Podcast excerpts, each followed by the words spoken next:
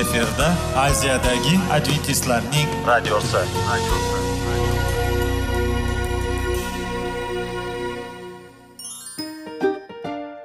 Assalomu alaykum aziz radio tinglovchilar.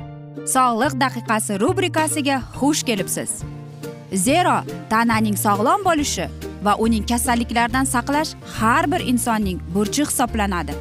Inson uchun bebaho boylik bu sog'liq salomatlikdir. Uni asrash esa har birimizga omonat qilib berilgan. Shuning uchun ham inson o'z sog'lig'ini ehtiyot qilishi voajib amallardan hisoblanadi. Dono xalqimiz sog'liq tuman boylik deb bejiz aytmagan. Aql idroq sohibi bo'lgan inson o'z hayotini qadrlashi lozim bo'ladi. Hozirgi kunda qanchalik dori darmonlar ko'paymasin tibbiy muassa sifati shifokorlar vasiyasi tibbiy texnika yaxshilanmasin. Agar insonning o'z salomatligi haqida qayg'urmasa kutilgan natijaga erishib bo'lmaydi va biz sizlarga bizning dasturimizga xush kelibsiz deymiz.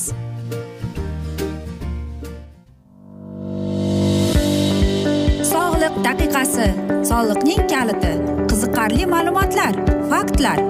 Har kuni siz uchun foydali maslahatlar. Sog'liq daqiqasi rubrikasi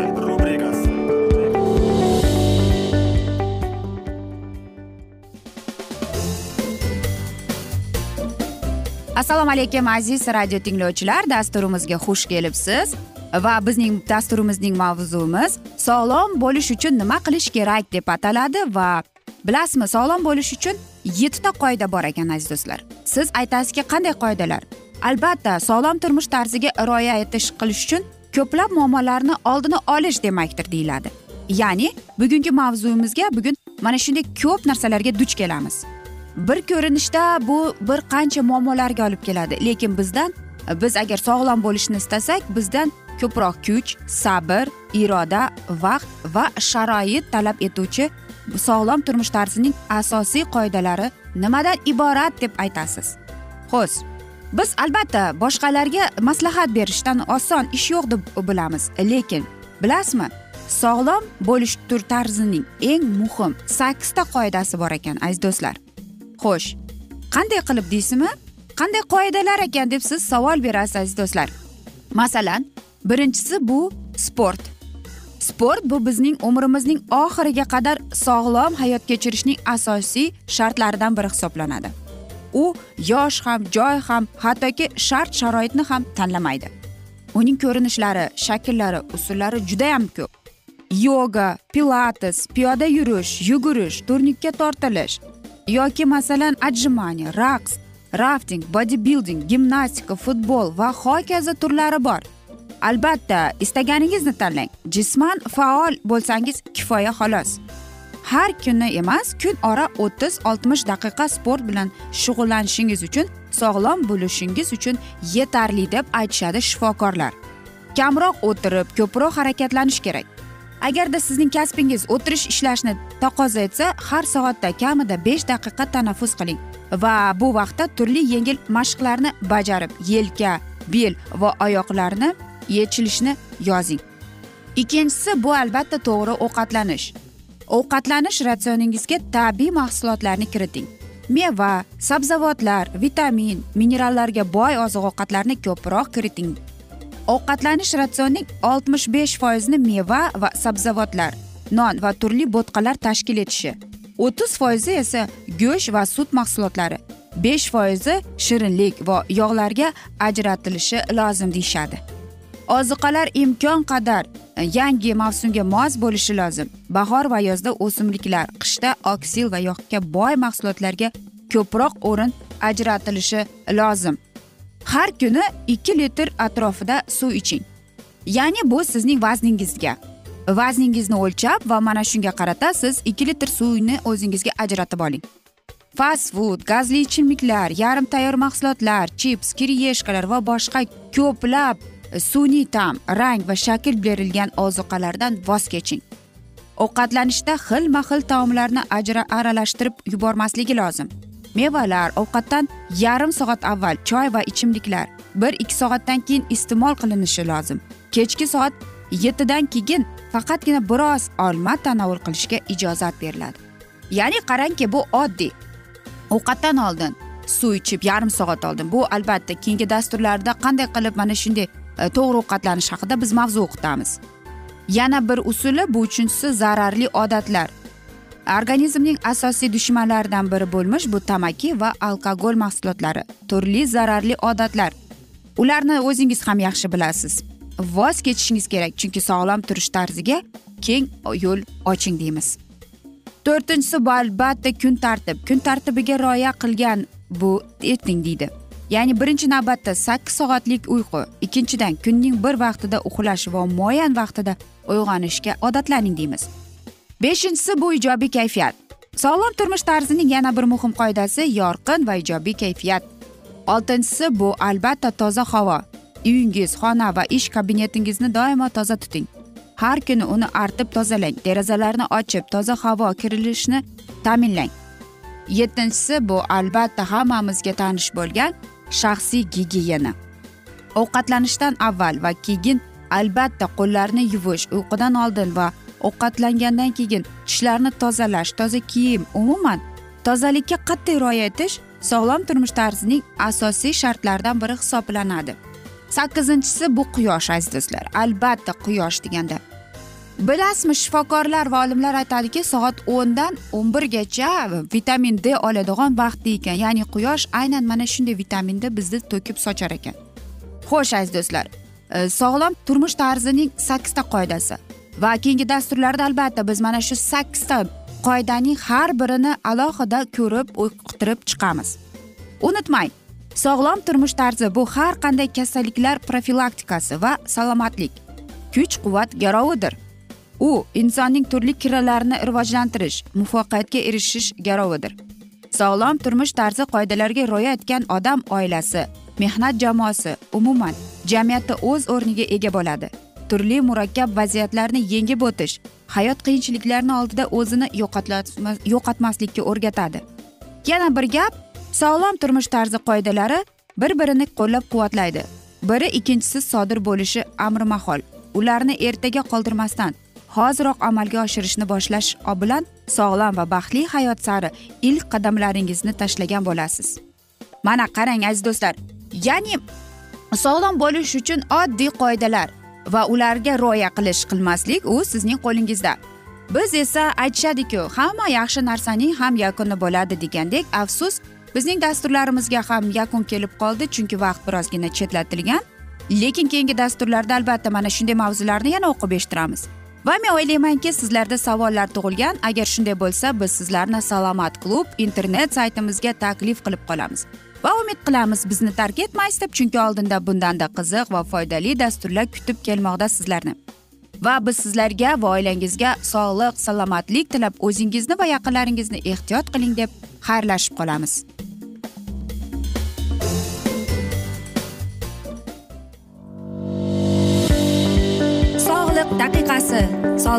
Kaliti qiziqarli ma'lumotlar faktlar. Har kuni siz uchun foydali maslahatlar. Sog'liq daqiqasi rubrikasi.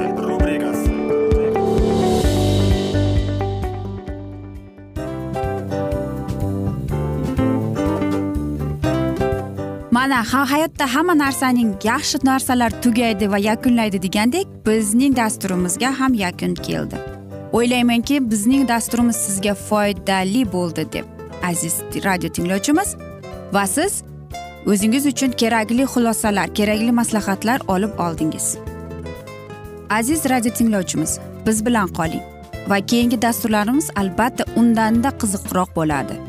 Mana shu alfozda sizlar bilan xayrlashib qolaman.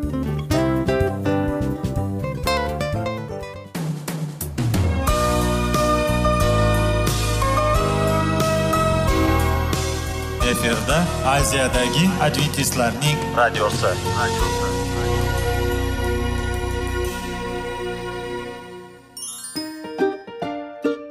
Assalomu alaykum aziz radio tinglovchilarimiz. Dil izhori dasturimizga xush kelibsiz. Pul insonni baxtli qiladimi? Albatta yo'q. Sog'liqchi? Albatta bo'lishi mumkindir. Lekin olimlar shuni isbotlashdiki to'liq va mukammal munosabatlar insonlarni baxtli qilar ekan. Albatta biz hayot davomida biz yaqin insonlar bilan odamlar bilan aloqada bo'lamiz va ular bilan munosabatlarimiz qanday kechadi qanday tuziladi? Yigit va qiz er va xotin ota ona va farzandlar va yaqin insonlar bilan. Balkim hozirgi vaqtda kimnidir hayoti yoki munosabatlari buzilyapti. Va bizning dasturlarimiz ularga yordam bo'ladi deb. Va oldinda sizlarni qiziqarli intervyular va mavzular kutyapti va biz umid qilamizki siz biz bilan qolasiz deb.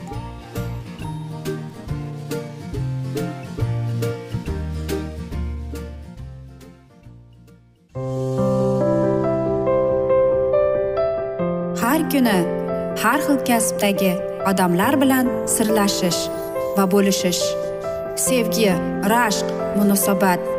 Bularni hammasi dil izhori rubrikasida.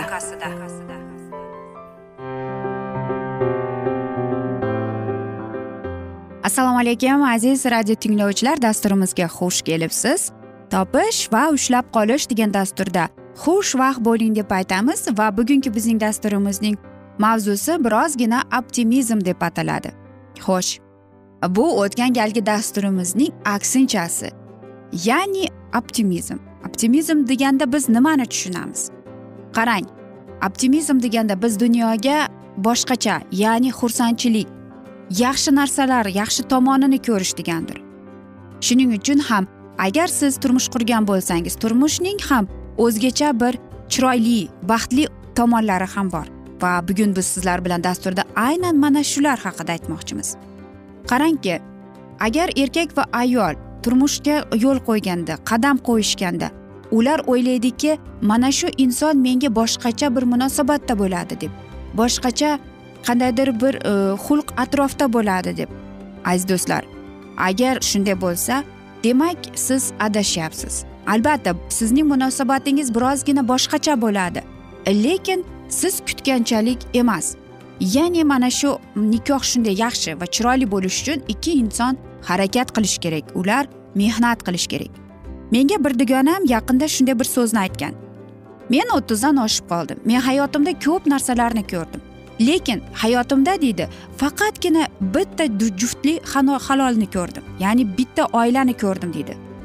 Va qarangki unga hech narsani isbotlamaslik kerak edi. Qanchalik mana shu baxtli oilaning real isboti. Faqat u shuni bilgisi keldiki qanday qilib mana shu jufti halol o'zining nikohini tinchlik totuvlikda mana shu oilaviy baxtda va ularning hayoti to'liq optimizmga to'la edi u faqatgina ulardan so'ramoqchi edi. Qanday qilib siz mana shunday oilani saqlab qoldingiz? deb siz ham balkim shunday savol berishingiz mumkin. Biz ham nima qila olamiz deb. Aziz do'stlar qarangki biz faqatgina juftlikmiz deymiz. Yo'q aziz do'stlar biz unchalik ham kuchsiz emasmiz. Biz kuchlimiz. Lekin muammo shundaki mana shu sizning oilangiz saqlanib qoladimi? Albatta ha. Agar siz mana shu nikohda baxtli bo'lishni xohlasangiz faqat u do'stingizga turmush o'rtog'ingizga chinakam do'st chinakam turmush o'rtog'i bo'lib chinakam e, o'zingizni farzandlaringizga e, pozitiv ya'ni ijobiy ta'sir ko'rsatishga mana shu baxtning hayot oilaviy baxt deganda mana shuni tushunamiz. Xo'sh bilasizmi? Kimdir aytganki har bir juft e, halol ya'ni oilaviy mana shunday juftlik ular boshqa juftliklarga ta'sir ko'rsatadi deb. Agar shunday bo'lsa demak sizning ongingiz o'zgarishga bu dunyoni o'zgartirishga harakat qilyapti. Xo'sh agar sizning oilangiz e, boshqa oilaga ta'sir qilmasa lekin u ta'sir qilmaydi lekin u boshqa oilalarni ilhomlantirishi mumkin. Chunki qarangki baxtli oila e, bu bir hozirgida yigirma birinchi asrda bu aytaylik bir ajoyib eshitiladi to'g'rimi? Mana bu juftlik yigirma yil yashadi. Mana bu juftlik o'ttiz yil yashadi deganda biz ularga hayron bo'lgan ko'zlarimiz bilan qaraymiz. Qanday qilib ular mana shunday qilib oilasini saqlab qoldi ekan deb. Aziz do'stlar bilasizmi bir inson shunday deb yozgan ekan. Bir oila mukammal oila bo'lishi uchun ular deydi faqatgina o'zlarini emas balki xudoni ham hayotiga taklif qilish kerak deydi. Ya'ni ularning hayotida ularning oilasida xudo ham bo'lishi kerak. Faqatgina deydi oilada xudo bo'lsa va faqatgina ikki inson bir biriga ishonib xudoni taklif qilishganda mana shundagina buni mukammal oila deb aytishar ekan. Xo'sh aziz do'stlar.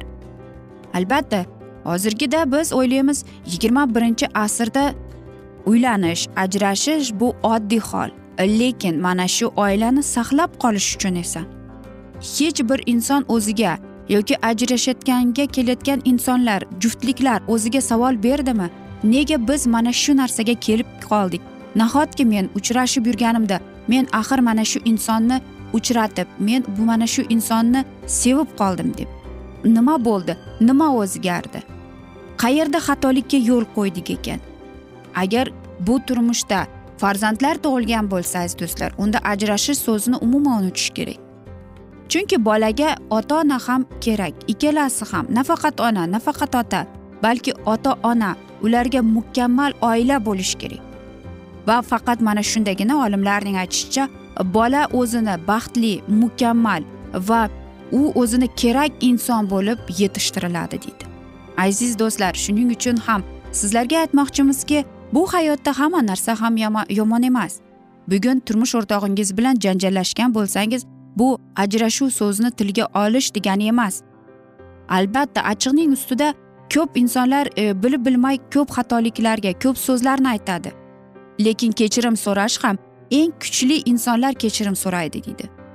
Bilasizmi nega mana shunday ko'p narsalarni aytishadiki eng menga bir so'z yoqqan? Kechirim so'ragan odam o'zini pastga urmayapti deydi. U mana shu oilani mana shu munosabatni saqlab qolish uchun va o'zining jufti halolini sevgani uchun ham kechirim so'rayapti deyishadi. Shuning uchun ham aziz do'stlar biz kechirimli bo'lishimiz kerak. Va aytmoqchimizki xudoni oilaviy hayotga o'z uyingizga taklif qiling deb. Biz esa mana shunday asnoda afsus bugungi dasturimizni yakunlab qolamiz chunki vaqt birozgina chetlatilgan. Lekin keyingi dasturlarda albatta mana shu mavzuni yana o'qib eshittiramiz. Va umid qilamanki bizni tark etmaysiz deb chunki oldinda bundanda qiziq bundanda foydali dasturlar sizlarni kutib kelmoqda deymiz aziz do'stlar. Va biz sizlarga va oilangizga tinchlik totuvlik tilab aziz do'stlar. Va albatta seving seviling deb xayrlashib qolamiz.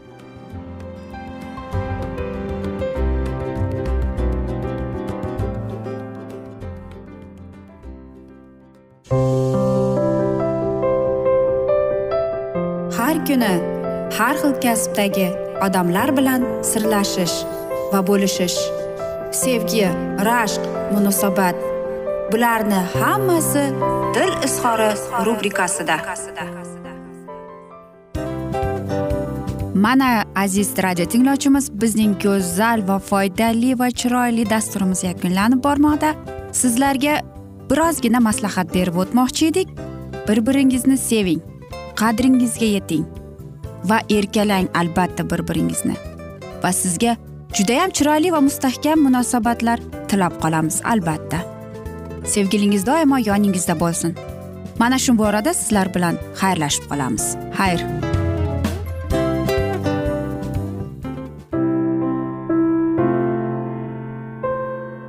Hayotning noni. Qiziqtirgan savollar va javoblar. Buning hammasi ko'ngil uchun oziqa rubrikasida.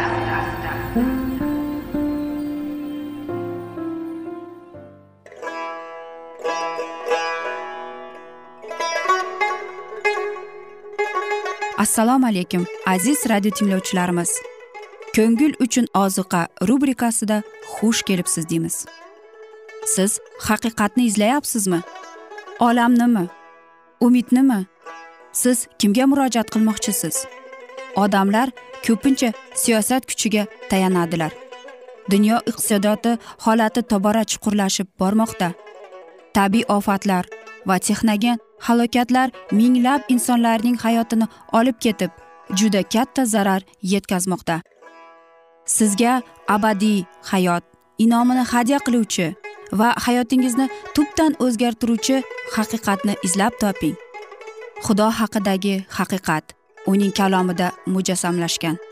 Kimki bu haqiqatni butun qalbi bilan izlasa albatta unga yetishadi. Bu sevgi xudoning tarixidir.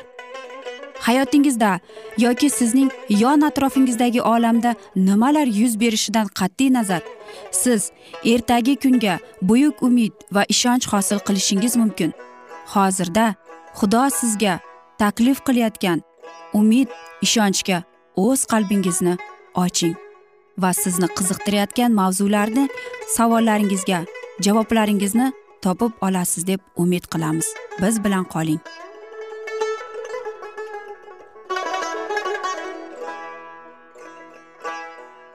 Assalomu alaykum aziz radio tinglovchilar. Ulug' otalar va payg'ambarlar degan dasturda xushvaqt bo'ling deb aytamiz. Va bugungi bizning dasturimizning mavzusi to'fon deb ataladi va biz sizlar bilan o'tgan galgi mavzuni bugun davom ettiramiz. Nuh payg'ambar oilasi bilan kemaga kirgandan keyin yetti kun mobaynida osmondan kelayotgan bo'ronning hech bir belgisi ko'rinmas edi. Shu vaqtning davomida ularning imoni va ishonchi sinaldi. Tashqi dunyo uchun esa bu vaqt tantana qilish vaqtiga aylandi. Ko'ringan imillash badiqorlarning ishonchini yanada mustahkamladi. Va nuh bergan xabar noto'g'ri to'fon hech qachon bo'lmaydi degan xulosada ular to'xtadilar. Haddan tashqari bo'lgan hodisalarga qaramay jonivorlar va qushlar kemaga kirganliklarini ko'rib ko'rgan ko'zlariga ishonmay ilohiy farishta eshikni yopganini nazarga solmay ular tantana qildilar. Va xudo qudratining aniq namoyon bo'lgan isbotlari ustidan kuldilar. Fosiqlar olomon kemani qurshab olib hech qachon quloq eshitmagan shafqatsizlik bilan uning istiqomatchilarini masxara qildilar. Sakkizinchi kunda qop qorong'i bulutlar osmonni qopladi. Momaqaldiroq gumburladi chaqmoq chaqnadi. Tezda yer ustiga yomg'irning birinchi tomchilari tushdi. Odamlar hech qachon bunday holatni ko'rmagan dahshatga keldilar. Ular savol berdi. Bir biriga berib nahotki nuh to'g'ri aytib endi dunyo nobud bo'lsa? dedilar. Qop qorong'i zulmat. Osmonni bosib yomg'ir kuchayib borar edi. Har tomondan dahshatga tushgan jonivorlar o'qishar edi. O'z taqdiriga va inson holatiga faryod ko'targan bo'lib ko'rinadi. Shunda o'lkan tubsizlik buloqlari bari qaynab boshlab osmon qoplalari ochilib ketdi. Juda zo'r sharsharlalar tog'dan tushganday bo'ldi. Suvlar daryolardan chiqib uvaydalarga toshdi. Hech qachon ko'rinmagan kuch yer ichidan qudratli suvlar otdi. O'zi bilan katta katta toshlarni uloqtirdi. Toshlar yuzlab metrga tepaga ko'tarildi va yer ustiga tushganida chuqurlar paydo qildi. Inson qo'lidan chiqqan ijodning vayron bo'lishini odamlar birinchi marta ko'rardilar. Badavlat saroylar sanamlar bo'lgan go'zal bog'lar va o'rmonzorlar osmon chaqmog'idan bir onda yakson bo'ldi va vayrona holiga keldi. Qurbon keltirgan qurbongohlar buzildi va ibodatda bo'lgan tirik xudoning yuksakligidan larzaga kelib bu ofat ularning buzuqligi va butparastlikning natijasi ekaniga nihoyat tushundilar. Bo'ron borgan sari kuchayib o'ylandi daraxtlarni yeru qoqlarni har tomonga uloqtirdi. Odamlar va jonzotlarning dahshatini aytib va yozib ham bo'lmaydi. Tabiat kuchlarining qo'zg'oloni ichida xudoning iqtidorni tark etgan odamlarning fig'on faryodi ko'tarilardi. Hatto shayton tabiatning qaynashida qolgan holatda o'z umri uchun xavotirga tushdi. Inson qavmi bo'lgan hokim bo'lganidan u lazzatlanardi va uning eng katta tilagi odamlar iflosliklarga cho'mib osmon hokimidan g'azablanardi. Davom etdi saidi endi esa xudoni nohaqligida va shafqatsizligida ayblab uning ustuniga la'nat yog'ardi. Ko'pgina odamlar har shaytonga o'xshab xudoga la'nat aytdilar va ularning kuchi bo'lsa edi uni shon shuhratli taxtadan tushirardilar. Boshqalari qo'rquvdan aqldan toyib kema tomon qo'l uzatib kemaga kirishdan yolvordilar lekin ularning dod faryodi behudaga chiqdi. Nihoyat ularning vijdoni uyg'ondi. Va ular butun olamlar egasini xudoyi taoloni tan oldilar. Unga yolvoldilar. Lekin u ularni eshitishga xohlamasdi. Ana shu dahshatli soatda ular ilohiy qonunni buzganliklarini tushundilar. Lekin ular jazo olishdan qo'rqib o'z qilgan jinoyatlarida e'tirof etsalar ham ular gunohlaridan nafratlanmay chin qalbdan pushaymon bo'lmadilar. Va agar tanbeh berish bekor qilinsa edi ular yanada xudoga qarshi isyon ko'tarardilar. Hozirgi yeru osmonni xudo vaqtincha saqlab turibdi belgilangan ilohiy hukm odamlar boshiga tushadi va yer yonish orqali barham bo'ladi. Shunda tavba qilmagan gunohkorlar o'z ayblarini tushunadilar. Ya'ni muqaddas ilohiy qonunni tark etganliklarini. Lekin ularning nadomat chekishlari qadimgi dunyoning e, muomalasi kabi samimiy bo'lmaydi. Qay birlari mayuslikda kemaga kuch bilan kirmoqchi bo'ldilar lekin intilishlari behuda chiqdi. Boshqalari kema tepasiga minib qattiq ushlab osildilar lekin katta to'lqinlar ularni yuvib tushirdi. Kuchli shamol va to'lqinlar kemani oyoqdan u yoqqa tashlaganda u larzaga kelardi.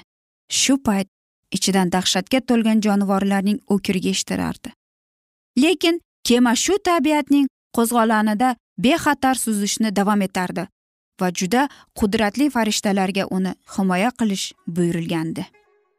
Mana shunday bizga aziz do'stlar ajoyib bir xabar. Mana shu tarixni o'qimoqchi bo'lsangiz muqaddas kitobda o'qiysiz.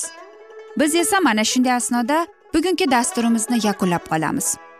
Va agar sizlarda savollar tug'ilgan bo'lsa biz sizlarni adventis tochka ru internet saytimizga taklif qilib qolamiz. Va umid qilamizki bizni tark etmaysiz deb chunki oldinda bundanda qiziq va foydali dasturlar kutib kelmoqda. Va biz sizlarga va oilangizga albatta tinchlik totuvlik tilab xayr omon qoling deb xayrlashamiz.